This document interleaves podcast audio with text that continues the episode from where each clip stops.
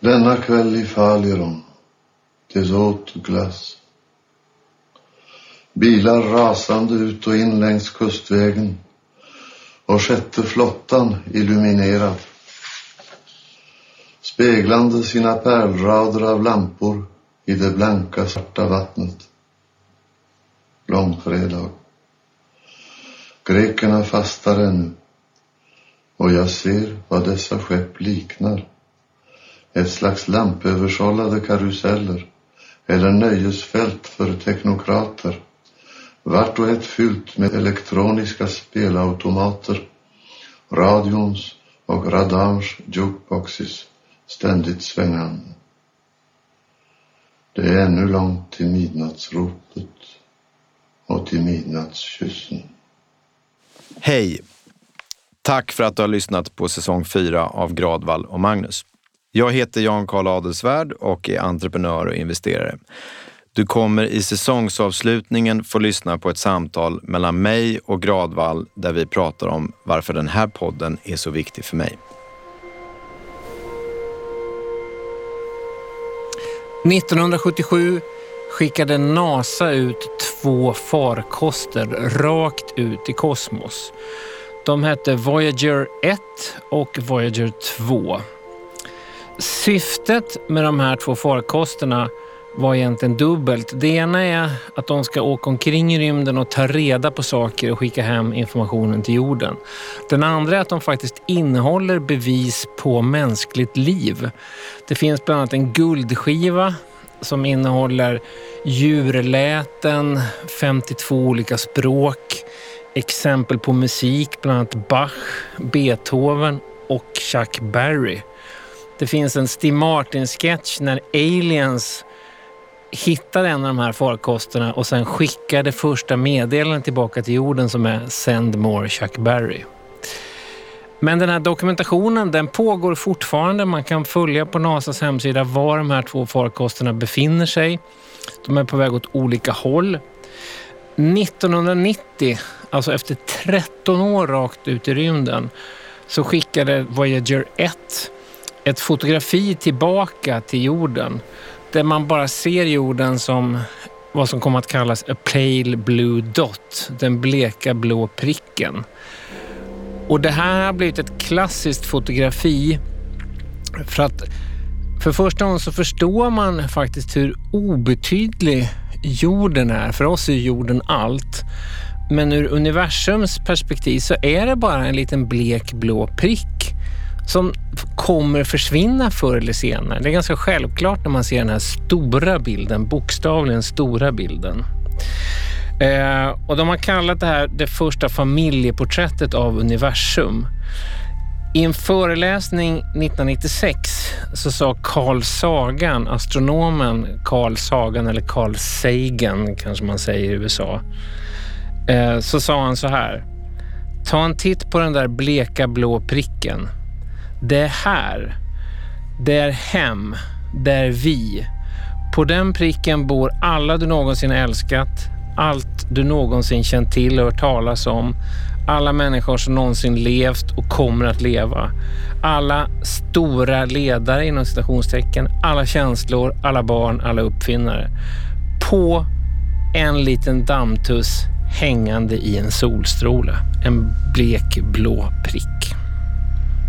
Författaren Tim Urban, mer känd under sitt Twitter-handle Wait But Why, fortsätter den där ganska existentialistiska observationen när han säger att de sista stjärnorna kommer dö om 120 biljoner, trillions på engelska, år. Och sen följer 10 upphöjt till 106 nollor år med bara svarta hål. Det är som om universum börjar med en sekund av stjärnor och sen en miljard, miljard, miljard, miljard, miljard, miljard, miljard år med svarta hål. Stjärnorna har alltså bara en kort bieffekt från the big bang. En sekundlång gnista innan ett evigt mörker. Du och jag lever i den där sekundlånga gnistan. Det här avsnittet heter Avgrundens konturer och handlar om saker som är mycket, mycket större än oss människor. Och att vi ska vara väldigt tacksamma för och känna vördnad inför just det.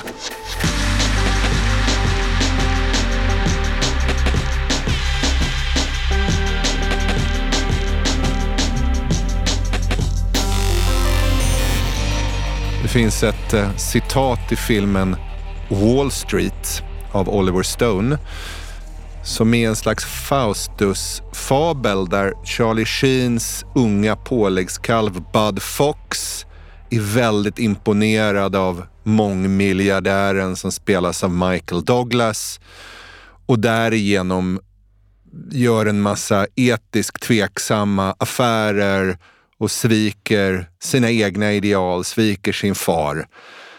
Den seniora Lou Mannheim på Bud Fox byrå som spelas av Hal Holbrook håller då en liten kort betraktelse för Bud Fox som handlar just om avgrundens vikt för oss människor. Man looks in the abyss. There's nothing staring back at him. That moment, man finds his character. And that is what keeps him out of the abyss. På tal om avgrundens vikt. Det här avsnittet in, inleddes med Gunnar Ekelöf som läste en dikt. Bara höra hans röst gör att man blir medveten om att vi alla ska dö någon gång. Han är väldigt känd för diktsamlingen Sent på jorden som är en betraktelse av det. Att vi, det är sent på jorden. Vi kommer alla att dö och även jorden kommer att dö. En Nobelpristagare, en italienare som fick det 1959, Salvatore Quasimodo, har sagt Var och en står ensam på jordens hjärta genomborrad av en solstråle och plötsligt är det afton. En helt annan koppling på det här från Ekelöv och Quasimodo så bara kan jag inte låta bli att referera till rockmusik i vanlig ordning att vi upplever ju nu också en känsla av att det är sent på jorden. För att för första gången har vi då åldrande rockstjärnor. Det är ett helt nytt fenomen. Vi har aldrig haft rockstjärnor som är 70, 80 och snart 90 år tidigare. Parallellt med det så har vi upplevt nu hur alla säljer sina kataloger. Dylan, Springsteen, Joni Mitchell, Stevie Nicks och så vidare säljer hela sitt arv. Och då kan man ju fråga sig, gör de det för att det är smarta investeringar. De, de vill förvalta sitt arv till kommande generationer. Eller gör de det också av en känsla av dödlighet, att det är snart över. Det är över för dem. Man kan också tycka att det kanske är över för rockmusiken också. Men det, det, det är en påtaglig den här försäljningen av gamla kataloger av gamla rockstjärnor präglar kanske samtiden i högre grad än nya låtar av nya rockstjärnor. Precis som att de första rockstjärnorna började komma någonstans sent 50, tidigt 60-tal. Tack vare kombination av ungdomskultur, massmedier, förbättrad teknologi så du plötsligt kunde spela i större lokaler. Massa olika dimensioner. Vilket också är faktiskt parallellt med rymdprogrammet föds i ungefär samma tid. Flera av låtarna handlar om det. Den som anses vara den allra första rocklåten heter Rocket 88. You women have heard of jalopies, you've heard the noise they make But let me introduce my new Rocket 88 Som Ike Turner gjorde fast under ett annat namn. Så att hela då designen på den var ju väldigt influerad av rymdprogrammet med att 50-talsbilarna såg ut som de skulle kunna köra rakt ut i rymden. Musiken lät som den gick på raketbränsle ungefär. Det är intressant att det är samma tid. Och något decennium efter det här på 70-talet så började de riktigt stora förmögenheterna skapas som vi ser idag. Genom teknologi, eh, handel, retail, globalisering.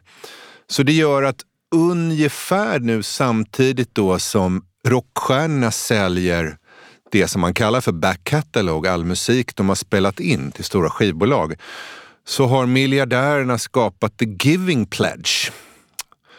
Där man alltså säger att jag kommer att testamentera större delen av min förmögenhet till olika välgörenhetsorganisationer. Jag kommer behålla en liten del själv. Majoriteten av det jag ägt och tjänat. Så det finns någon dimension som vi ser nu som är en konsekvens av att folk lever lite längre um, och tar hand om sig själva lite bättre och börjar fundera, vad ska ske när jag är borta? Och Det här är så fascinerande därför att förr i tiden var man ju inte gammal särskilt länge. När Bismarck, tyska järnkanslern, kom på pensionen 1889 så sa han ju att tyskar som blir 70 ska få gå i pension. Den förväntade livslängden i Tyskland då var 55. Så man var inte gammal särskilt länge. Så att, vad sa du?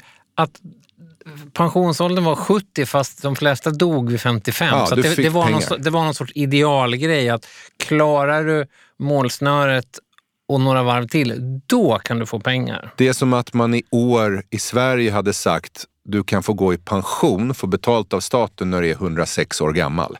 Det är samma differens då. Så att det här att vara gammal länge, alltså i decennier, det är någonting ganska nytt. Det är inte för intet vi börjar se äldrevårdsskandalerna dyka upp på 90 tidigt 00-tal. Det är för att 40-talisterna börjar inse vi är snart där. Vi kräver något annat och bättre och helt nytt.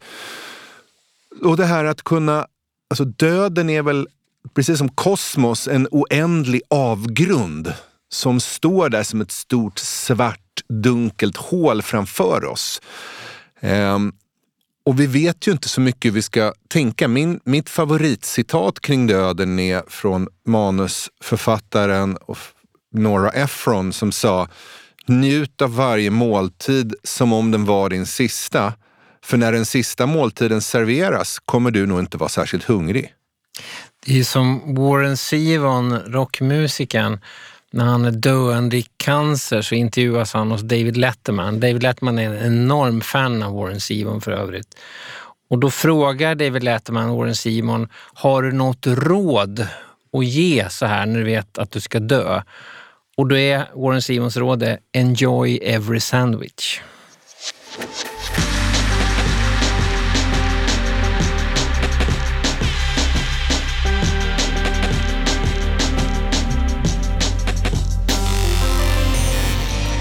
Välkommen Jan Karl Adelsvärd.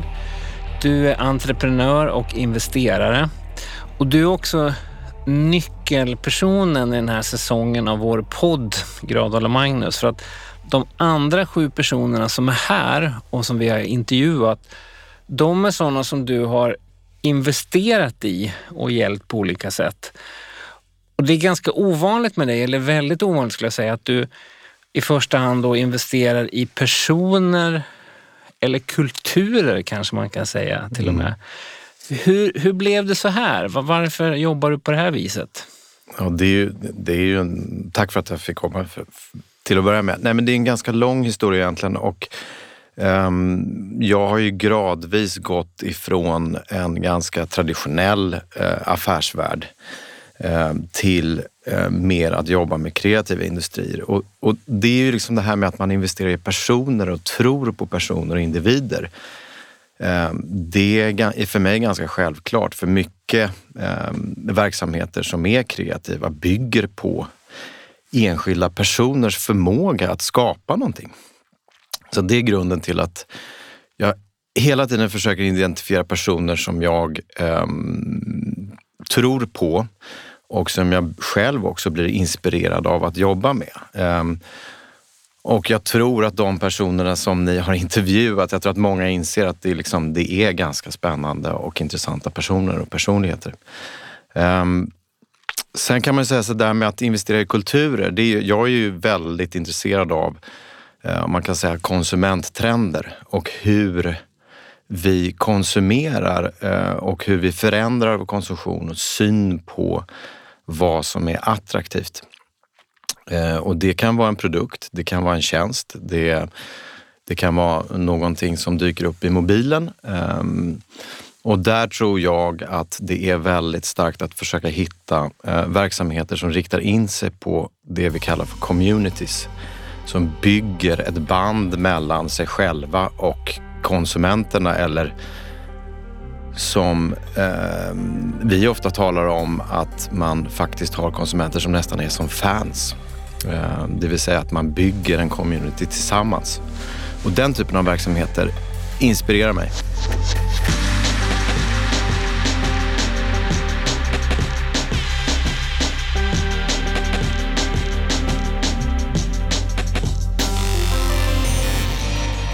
Den största avgrunden och kanske den viktigaste vi har i livet och när vi arbetar, tänker, investerar.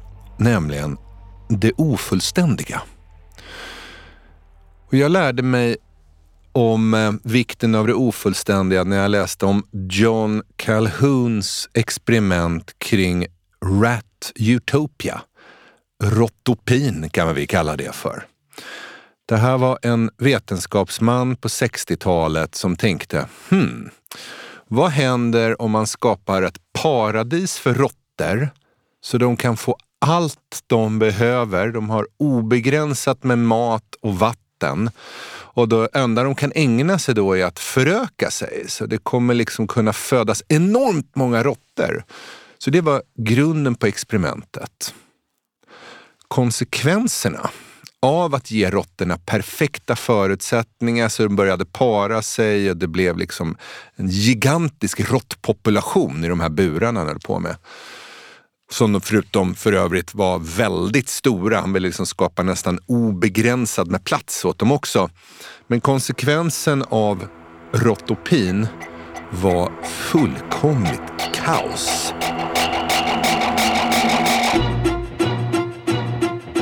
Och då myntade han ordet behavioral sink, ett beteendemässigt slukhål. Alltså från att du hade en population av råttor som betedde sig som råttor skulle, så blev många av dem galna, knäppa. Vissa ägnade sig bara åt att para sig, andra tycktes helt deprimerade. Vissa började bete sig helt asocialt och var bara ute nattetid när andra sov. Andra ägnade sig åt kannibalism. Alltså det blev galenskap. Och skälet att det här experimentet har fått så mycket uppmärksamhet är att man började på 60-talet prata om vad händer för oss människor om vi drabbas av överbefolkning. Om vi har det för bra. Och det är här man skulle kunna fundera lite på det ofullständiga därför att på 90-talet så skrev statsvetaren Francis Fukuyama först en essä som hette The End of History? Frågetecken.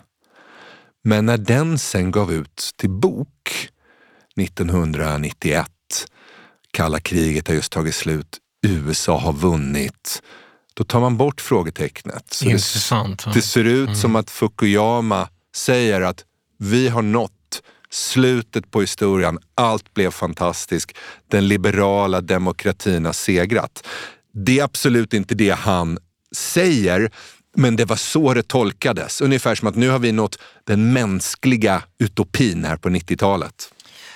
Det finns en, en aktuell dokumentär, eller rockumentär, som verkligen känns som the end of history eller ett beteendemässigt slukhål som heter Woodstock 99. Woodstockfestivalen hölls ju 1969 så var en massa hippies i lera som sjöng om peace and love. Och det, det var kaos, men bilden av festivalen har ändå varit att det här var lyckat och något unikt. Sen gjorde man om det här 25 år senare, 1994, blev ganska lyckat. Eh, sen gjorde man om det igen 1999, 30 år senare, vilket den här dokumentären handlar om. Det är faktiskt bland det mest deprimerande jag har sett. Liksom. Det finns en massa saker som blir kaos, att de har tänkt för lite på vatten. Vattenflaskorna kostar 5 dollar, folk blir uttorkade och svimmar. Toalettledningarna är för dåligt kopplade så att när folk rulla runt i leran och tänka bara äntligen är jag som min farsa, jag är en hippie 1969 fast man är 1999. Så visar det sig att det är bajs de rullar runt i för att allt har bara läckt ut. De band de har bokat som domineras av liksom metal, punk och nu metal som var stort då, någon sorts fusion av rap och hårdrock. De största banden på festivalen är Korn och Limp Bizkit. Well, this is one of them days, yo, where everything's fucked up. And You just want to break some shit. You feel me? Let's feel it. It's just one of those days when you don't want to wake up. Och när de spelar för de här 70 000 i, i bajslera så ser det ut som målningar av Goya på ett ungefär då. Uh, och sen publiken, de som älskar de här banden är liksom 23-åriga vita män i bara överkropp. Det är de som dominerar på den här festivalen. Som förgriper sig på de kvinnor som försöker liksom bodysurfa på publikhavet. Det förekommer våldtäkter. Det finns några rappare med, Ice Cube och DMX är med. Och när DMX sjunger en låt där han säger n-ordet så skanderar ju alla de här vita männen tillbaka n-ordet. På ett sätt sjunger de med, men det, fin det finns en annan laddning i det. Men, men det, det, är så djupt deprimerande att se den här. Och det är ju 1999 vid millennieskiftets slut och allt bara rämnar. Inklusive att de börjar tända eld på saker. För att det är någon som har delat ut stearinljus som ett tecken på någonting fint. Men då börjar de bränna ner hela festivalen så det ser ut som en sån här filmscen från jordens undergång fast det är då dokumentära bilder. En parallell är att det är då allting upphör egentligen. Att samma personer som tänder eld på saker och eh, lyssnar på Limp Bizkit är de som tar över kommentatorsfälten sen på 2000-talet. Det är där man ser den här uppdelningen. För att det finns en massa personer som är arga på saker. Och där kan de ta ut det i, i leran på Ny Woodstock. Sen kan de ta ut det i kommentatorsfälten. Så att tittar man på den här dokumentären nu så kan man inte låta bli att tänka på stormningen av Kapitolium till exempel. Jag tänker på två ord. Ibland kan ju ord i vissa språkgrupper och kulturer illustrera någonting som kan vara svårt att få syn på för sin egen. På tyska har man ordet Wohlstandsverwahrlosung. Och det är alltså när en, en, saker har börjat vittra sönder för att människor har haft det alldeles för bra för länge vilket gör att de börjar bara tänka på sig själva och jämför sina ganska eh, småaktiga problem och ganska medelmåttiga åstadkommanden med den liksom smärta och kamp som fördes för länge sedan. Så Vollstans Verwahrlosung. På kinesiska så har de ett ord för den vita vänstern, Baizuo. Och där pratar man alltså om och det här är då ett kinesiskt ord som används på kinesiska sociala medier. Baizuo är alltså den vita vänstern som är helt upptagna med de stora filosofiska frågorna om kön, identitet, ekologi, men har inget riktigt koncept över de verkliga problemen i världen. Så vi ser både i kommentatorsfält och Kapitolium och även i Baitso att det finns konsekvenser av ett 90-tal som var ideologiskt stendött. Där man trodde Många trodde att det inte var ett frågetecken utan att vi hade kommit till the end of history. Jag tänker själv tillbaka när jag såg den här dokumentären då, som är 99. Eh, jag är född 63 och var verkligen en del av 90-talet så att säga. Växte upp under 80-talet, men 90-talet jag, befanns med, jag befann mig medialt i liksom händelsernas centrum med popkulturen, hela indievågen som sen blev britpopvågen, grunge, eh, Kalifornien hiphop och allting. Nu kan man ju titta tillbaka på det här med nostalgiska ögon förstås, men jag känner mig faktiskt väldigt kluven till det för att väldigt mycket handlar ju om någon sorts positionering.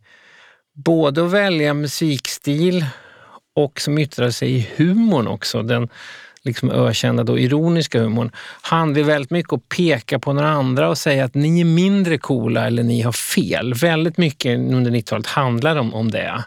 Man hittade sin identitet genom att peka på de som inte hade samma identitet. Parallellt med hela den här mustiga mediala explosionen så finns det också att man stänger av världen på ett sätt som är ganska otänkbart nu. Parallellt med att man skrev om Blur Oasis som att det var det viktigaste som fanns så skedde ju hela kriget på Balkan. Eh, och det är egentligen jättekonstigt att 20-åringar i Sverige eller andra länder kunde liksom fortsätta med sitt som om det inte riktigt hände. En och en halv timmes flygresa så var det fruktansvärda scener. Ännu värre scener än under Ukraina som vi har sett nu med den reaktionen att man verkligen engagerar sig i frågan. Då var man väldigt avtrubbad och kände att det här handlar inte om oss. En av de få som gjorde någonting i svensk musik var ju Ulf Lundell som eh, arrangerade Chip to Bosnia och blev grovt hånad av liksom då humorelit och popelit som någon, någon, någon sorts eh, tönt som försökte göra det här. Så det är en ganska bitter eftersmak när jag tänker tillbaka på 90-talet. En fet, mätt, stundom världsfrånvänd tid i Sverige och på många andra ställen. Och 1999 så kommer ju ett verk. Jag pratar såklart om Stanley Kubricks sista film Eyes Wide Shut.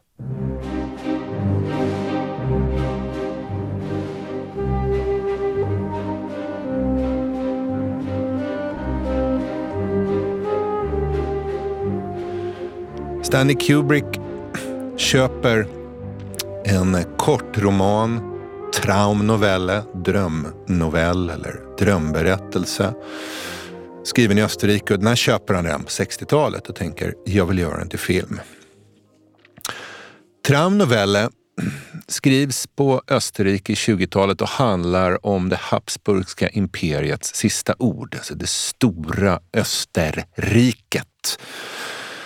Och 1905, Freud har skapat drömtydning Eliten, framförallt i Wien, är liksom klara. Vi har lyckats och vi har vunnit och det har varit fred då sedan Wienkongressen 1815. Så vi lever i en värld av evig fred och stabilitet. Så det enda de kan ägna sig åt är orger i Wien. Och bara något decennium senare så går ju i princip hela världen som de känner till det och hela Österrike, Ungern faller samman efter mm. första världskriget. Och två händelser, första världskriget och en världsomfattande pandemi, det vill säga spanska sjukan är precis samtidigt. Exakt. Det här tycker då Stanley Kubrick skulle vara spännande att göra film av och när den här då kommer ut 1999 så säljs den in som att det är en Hollywoodproduktion med dåtidens hetaste filmpar som var gifta för riktigt. Tom Cruise, Nicole Kidman. Människor tyckte den var lite abstrakt, konstig och minns en massa nakenscener med maskerade människor. Vad var det här? Jag kan bara flika in där för de som inte har koll på Stanley Kubrick, men förmodligen den mest respekterade och hyllade filmregissören i modern tid. Allt han hade gjort fram till Ice Wide Shut i princip hyllades som mästerverk. Det, det var långa, långa pauser mellan filmen. Varje gång Kubrick kom med någonting nytt så bara tyckte alla, nu har han gjort det igen. Förutom med Ice Wide Shut som bara orsakade stor förvirring. Och besvikelse. Han lämnar in sin sista klippning och dör i hjärtattack dagen efter. Men den här är kanske den filmen som har lett till flest essäer, betraktelser och nya analyser sedan dess. Bara för att, lite ytligt, för vi vill inte krypa allt för långt ner i det här kaninhålet, men Eyes Wide Shut kan ju då både handla om att man drömmer, för då har du ju båda ögonen både stängda men vidöppna samtidigt, men du ser en annan värld. Eller så kan det betyda att du faktiskt stänger ögonen inför det uppenbara. Och då kan vi börja med en betraktelse. Stanley Kubrick är alltså flygrädd och har sedan The Shining förlagt alla sina filmer i Storbritannien. Och här bestämmer han sig då av oklara skäl då att förlägga den här filmen i New York fast den är inspelad i London. Varför det? Jo, därför sannolikt så anser han att New York på 90-talet är lika feta, mätta och lata som Wien var 1905. Och mycket riktigt, två år efter kom ju 11 september, sen Lehman Brothers och sen hela den här amerikanska kollapsen som vi har bevittnat. Nästa dimension, Tom Cruise karaktär heter Bill. Ungefär som i Sedel. Och det skulle ju bara kunna se ut som en slump, men det är väldigt tydligt att Bill, Tom Cruise, är läkare, övre medelklass och allt för honom handlar om pengar. Hans första replik och den första repliken i hela filmen är Honey, you see my wallet? Och sen köper han prostituerade och vill så gärna komma in på den här orgen där supereliten är. Så han betalar sig fram i filmen och försöker muta och ge sedlar till olika människor. Men det finns bakom kulisserna hela den här maskerade eliten Who do you think those people were? Those were not just ordinary people there. If I told you their names, I'm not going to tell you their names, but if I did, i don't think you'd sleep so well. På italienska så finns det ett ord dietrologia, vilket betyder läran om det som sker bakom kulisserna. Och är det någonting som är indikativt för den världen vi lever i idag så är det ju tron på konspirationer, undran om vilka som ligger bakom. Titta på senaste åren kritik mot World Economic Forum, the Great Reset, you'll own nothing and be happy. Så dietrologin har blivit någonting som verkligen kännetecknar vår samtid. Så Kubricks budskap är ganska enkelt i den här filmen. Du har ingen aning. Dina ögon är vidstängda Nicole Kidmans första ord i filmen är “But you're not even looking”. För hon ber honom att kommentera hennes frisyr. Nicole Kidman heter även Alice i filmen, apropå att dyka ner i kaninhål. Det här är ganska spännande när vi pratar om avgrunder. Därför att i regi, både i teater och film, så finns det ett begrepp som heter på franska mise en scène. Och det säger man även på engelska. Och det betyder ungefär hur du placerar saker och människor i en viss scen. Man gör ju ofta sådana här storyboards. Fokuserar vi på Jannes händer eller kaffekoppen han håller i eller hans ögon? Vad händer i nästa scen? Mise en scène. Men sen finns det en annat begrepp som Stanley Kubrick använder sig av i den här filmen. Mise en abysme att placera i avgrunden. När du ställer dig i en hiss och det är speglar på båda sidor, då vet du att det kan se oändligt ut, eller hur? De reflekterar varandra så det ser ut som att det är ett sån här gigantisk avgrund av spegelbilder. Och det är precis det han försöker göra här. Han försöker placera historier inuti historien. Så på det som på ytan ser ut som ett New York-drama med avundsjuka och svartsjuka egentligen innehåller en avgrund som skulle komma och bli kännetecknande, profetisk för den världen vi sen levde i.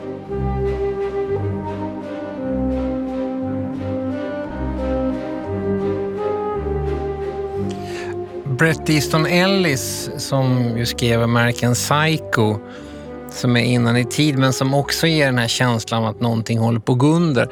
Men han, han blev ju sen eh, han har nästan blivit cancelled nu för tiden för han har sagt olika saker. Men han skrev en essä om Charlie Sheen faktiskt, eh, som är briljant. Men då, då, då förklarar han att det amerikanska imperiet gick under 2001. Och tittar man på amerikansk kultur kan man tala om postimperiekultur och innan så att säga. Så det finns saker vi upplever nu som är då kvarlevor från tiden under imperiet och så finns det typiska postimperiska saker som familjen Kardashian till exempel. Men det är ungefär det är samma period, att man kan precis som du beskriver Ice White Chat, att den kanske handlar om det amerikanska imperiets sista dagar, girigheten, pengarna i New York och alltihop. Att han ville verkligen beskriva slutet på någonting. Det finns en eh, futurist som heter Juan Enrique som skrev ungefär i samma veva The Untied States of America. Så istället för United så blir det ett litet typografiskt fel, men att då unionen eventuellt upplöses. Och apropå det här postimperialistiska, det är ofta det som händer i imperier, att efter en viss händelse eller tragedi så börjar de vittra sönder inifrån. Och det kan man ju verkligen se i USA. Du nämnde ordet cancel där. Att liksom bestraffa människor som man tycker har fel uppfattning. Det är också en dimension som har funnits i tidigare imperier. Man förstörde till exempel alla konstnärers verk i det gamla romarriket som man tyckte satte sig upp på fel sätt. Man försökte verkligen sprida falska rykten om människor som man sa, de här håller inte ihop vår klan.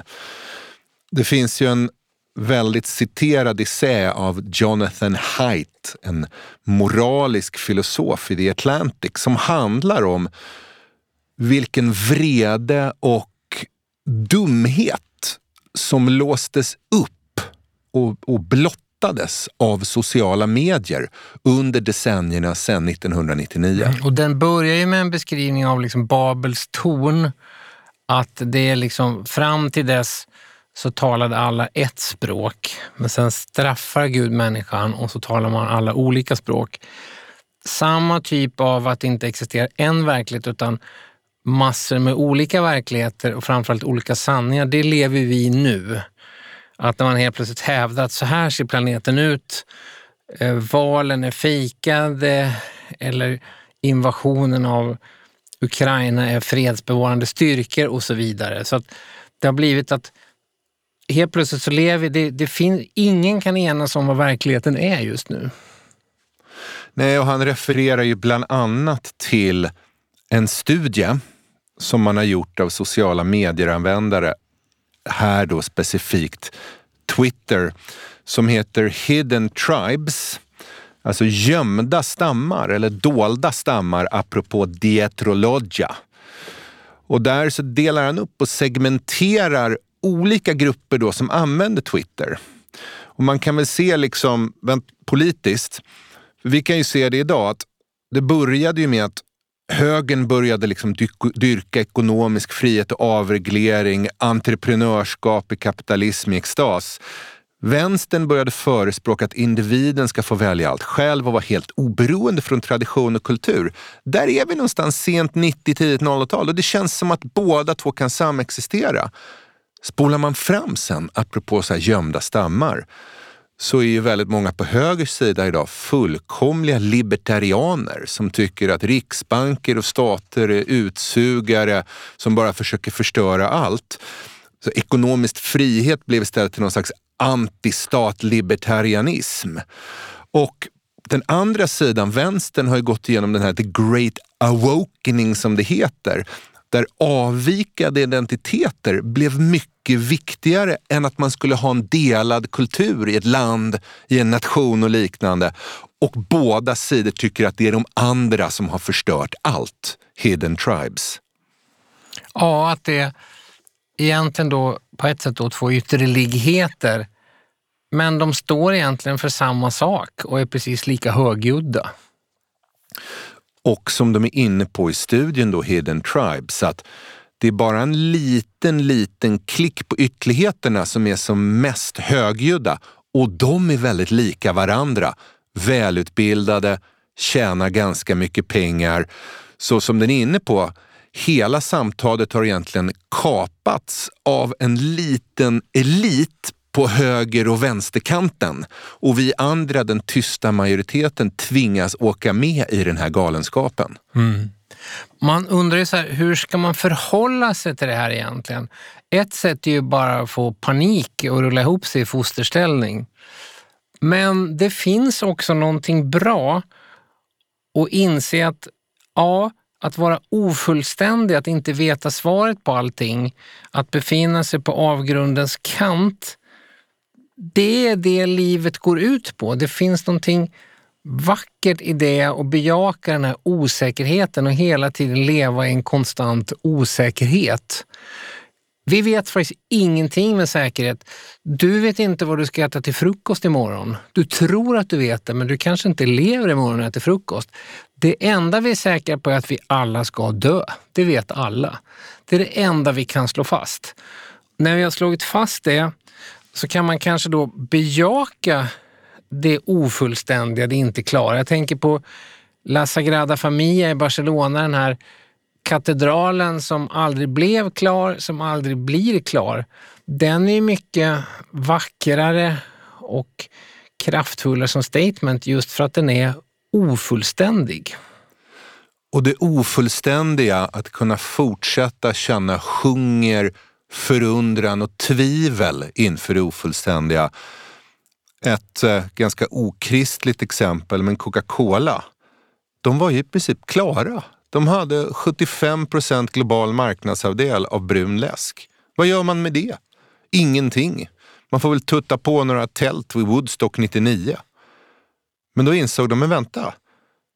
Händer det ibland att konsumenter dricker andra saker än brun läsk? Och det gjorde de. Människor dricker vatten, alkohol, te, kombucha, eh, kaffe med mycket, mycket mera. Så då räknade man om. Okej, okay, vad har vi för marknadsandel om vi tar andel av alla drycker? Och plötsligt blev Coca-Cola en fjuttig droppe i universum. Man hade mindre än en halv procent. Och det öppnade upp en helt ny värld för dem. De kunde börja starta vattenföretag och juiceföretag och nya projekt och börja släcka törst och skapa drycker med funktionella element. Så världen blev, tack vare att de såg den som ofullständig, mycket rikare, mycket större. Ja, de blev medvetna om inte sin mäktighet utan att de också bara är en blek blå prick helt enkelt. De blev medvetna om sin litenhet, sin utbytbarhet. Då tänker jag på Catherine Boyle, en amerikansk riskkapitalist som driver något som heter The American Dynamism Project. Även hon är frustrerad av den här arga, men också för att ta din 90-talsinsikt, det lite ironiskt coola bortkopplade. Man tittar liksom bara med lite svart humor på samtiden och säger den där attityden kommer inte leda oss någon vart. Vi kommer inte kunna investera med cynism. Vi kan vara skeptiska men vi kan inte hålla på och tro att vi genom avståndstagande, knyta näven i fickan, bitterhet och cynism kommer kunna åstadkomma något. Vi behöver vara optimister, tro på oss själva, tro på att vi kommer kunna åstadkomma stora, äventyrliga, intressanta saker. Så humorn kan liksom vara ett vapen men det kan också vara en undanflykt i det här fallet. Så att våga ta saker på allvar samtidigt som man känner förundran inför avgrunden. Alltså att framtiden måste vara en, en avgrund eller, eller en tröst. Ja, istället för att som då på 90-talet betrakta världen med eyes wide shut så handlar det om att betrakta världen med eyes wide open och vara vidöppen inför allting, inklusive osäkerheten, inklusive det faktum att vi alla ska dö. Vi började avsnittet med Gunnar Ekelöf. Vi avslutar med Lord Tennyson.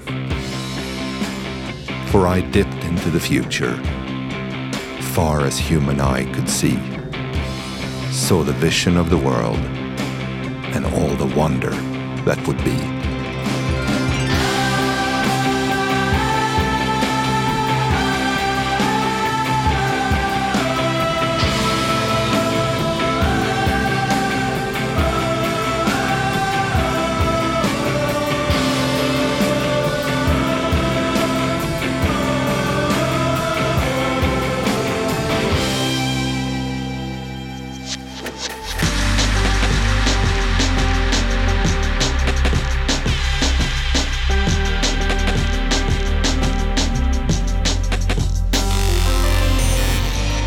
Men, men hur började det för dig? Vad, vad, vad var din ambition först? Hur såg vägen ut? Nej, men väg, för mig var det nog väldigt mycket sådär att jag var ganska präglad av min generation. Att man skaffar en god utbildning, um, går en uh, snitslad bana och gör så gott man kan. Uh, ganska um, tävlingsinriktat. Att man liksom, jag gick tolkskolan, jag gick Handels, jag gick ABB Financial Services traineeprogram. Eh, jag började sen jobba på Axel Jonsson.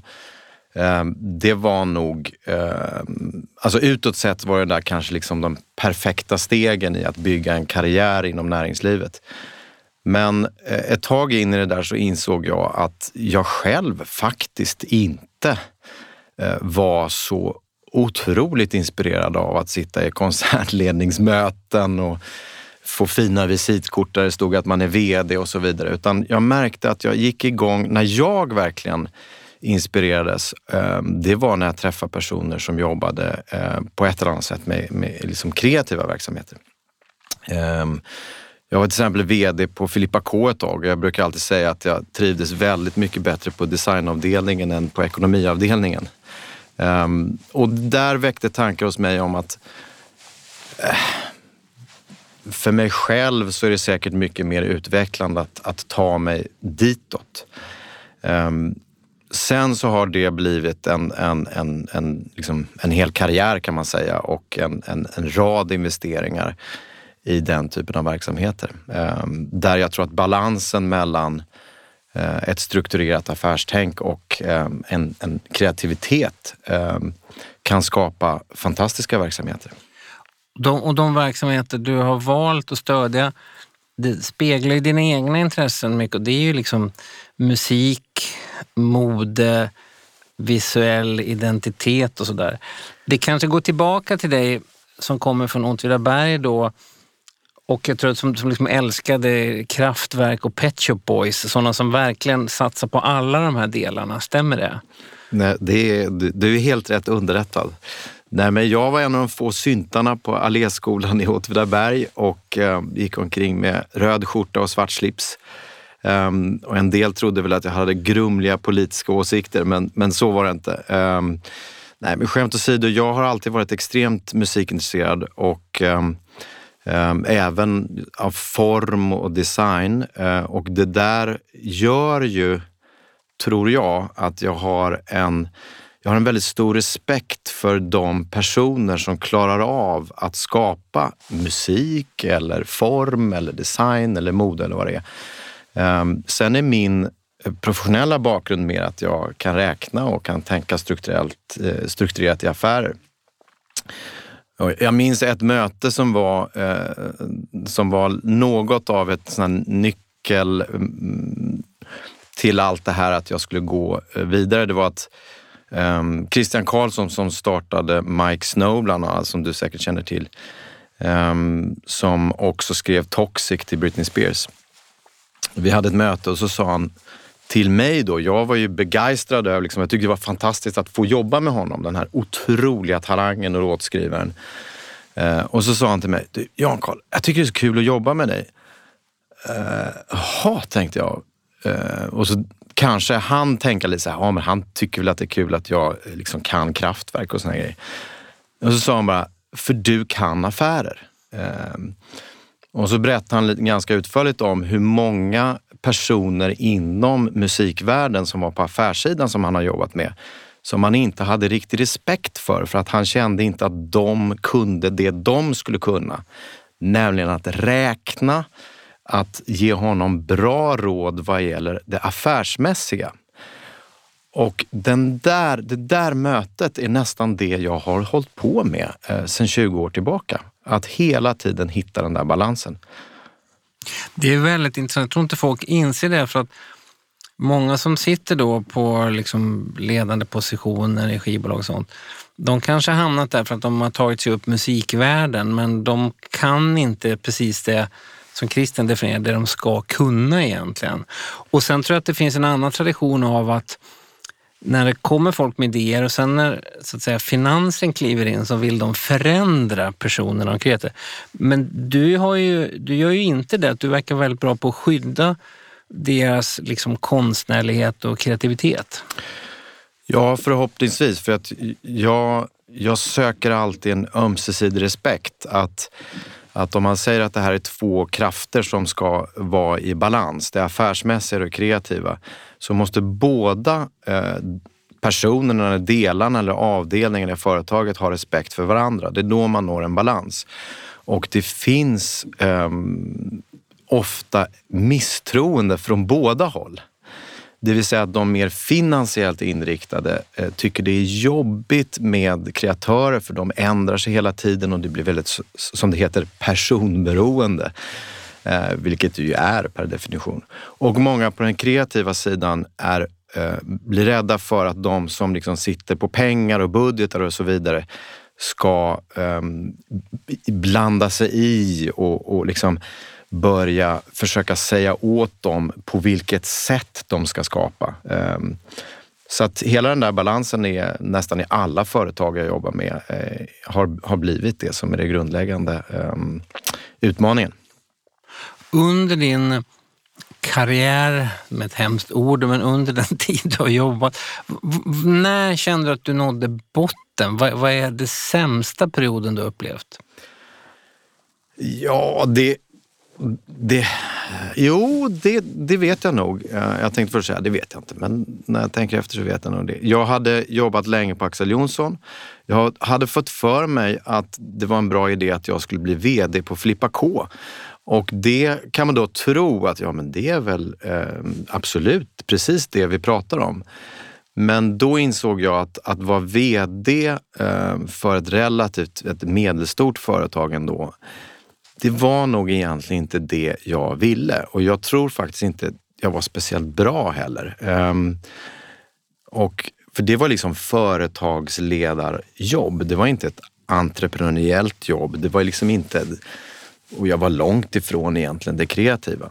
Eh, utan det var att leda ett företag. Och då insåg jag en sak och det var så här att eh, mitt nästa mål efter det här, det är ju inte att bli VD för H&M eller sånt där. Det är liksom, som hade varit en naturlig progression för någon som verkligen vill bli företagsledare. Och där och då insåg jag att nej men jag, företagsledare, det är inte det. Det är inte det jag vill bli. Eller, och det är nog inte ens någonting som jag är speciellt lämpad att vara. Så då sökte jag mig till att starta egna verksamheter och eh, investera i, i, i personer jag trodde på. Och det har lett fram till allt det jag gör idag.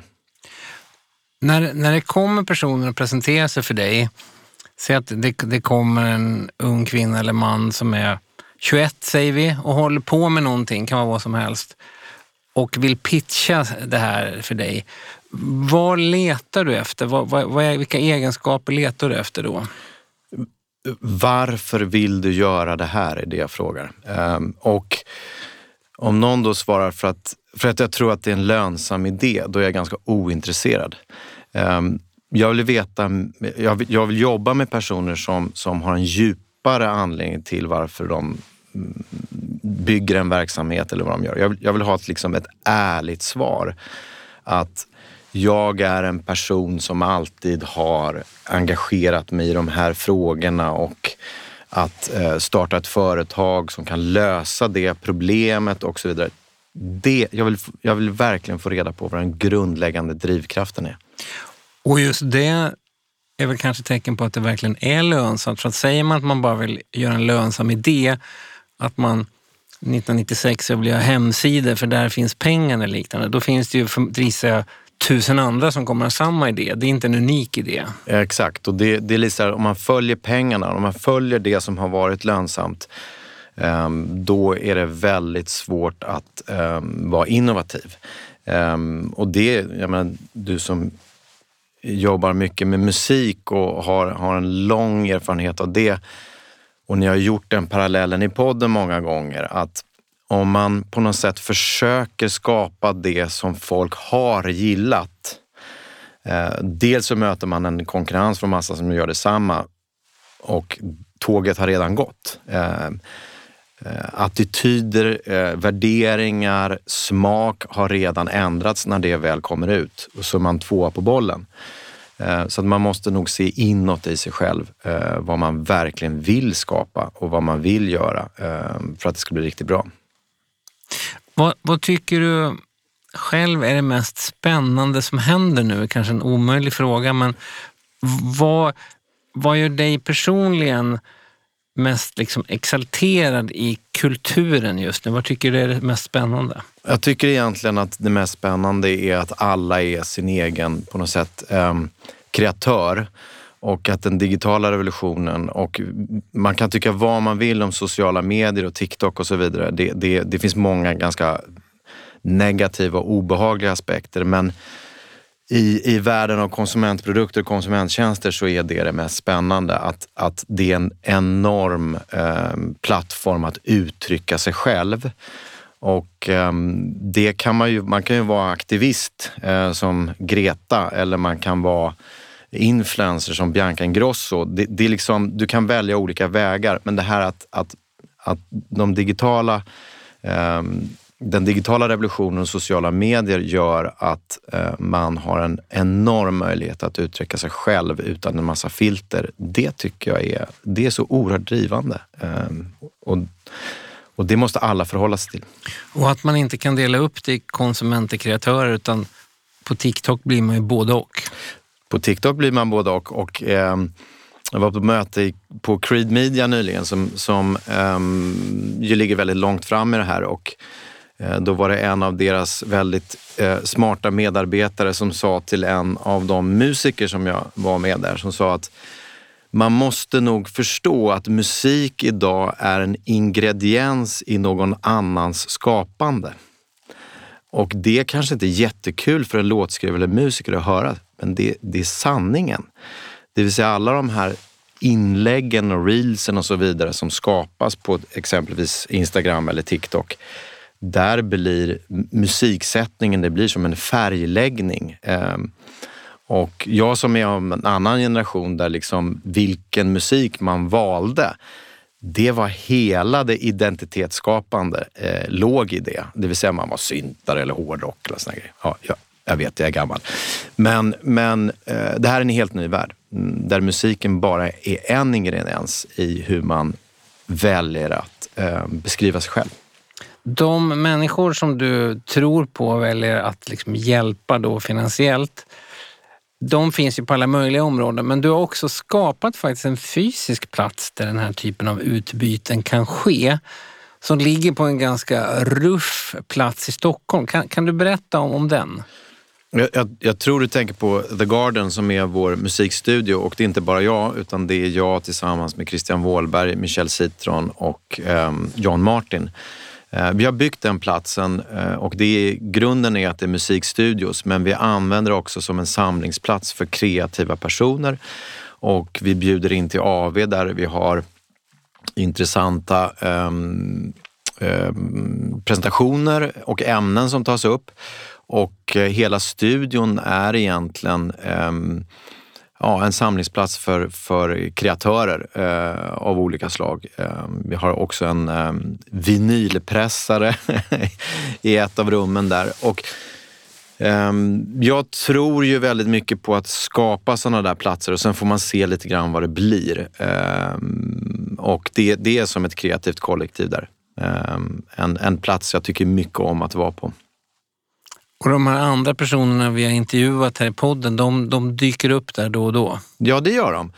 Um, och um, hela mitt engagemang inom, inom musik är ju dels att jag tillsammans med partners driver företag, men det finns ju ofta en koppling, en populärkulturell koppling att, att Ehm, gör, liksom driver man musikverksamhet och utvecklar artister så behöver man ehm, folk som gör videos och då kan man plocka folk från modevärlden. Ehm, så att det blir ofta en, en, en, en, plats där många av de människor som jag jobbar med förr eller senare hamnar. Tack snälla för att du ville vara med och tack snälla för att du sponsrar vår podd den här säsongen.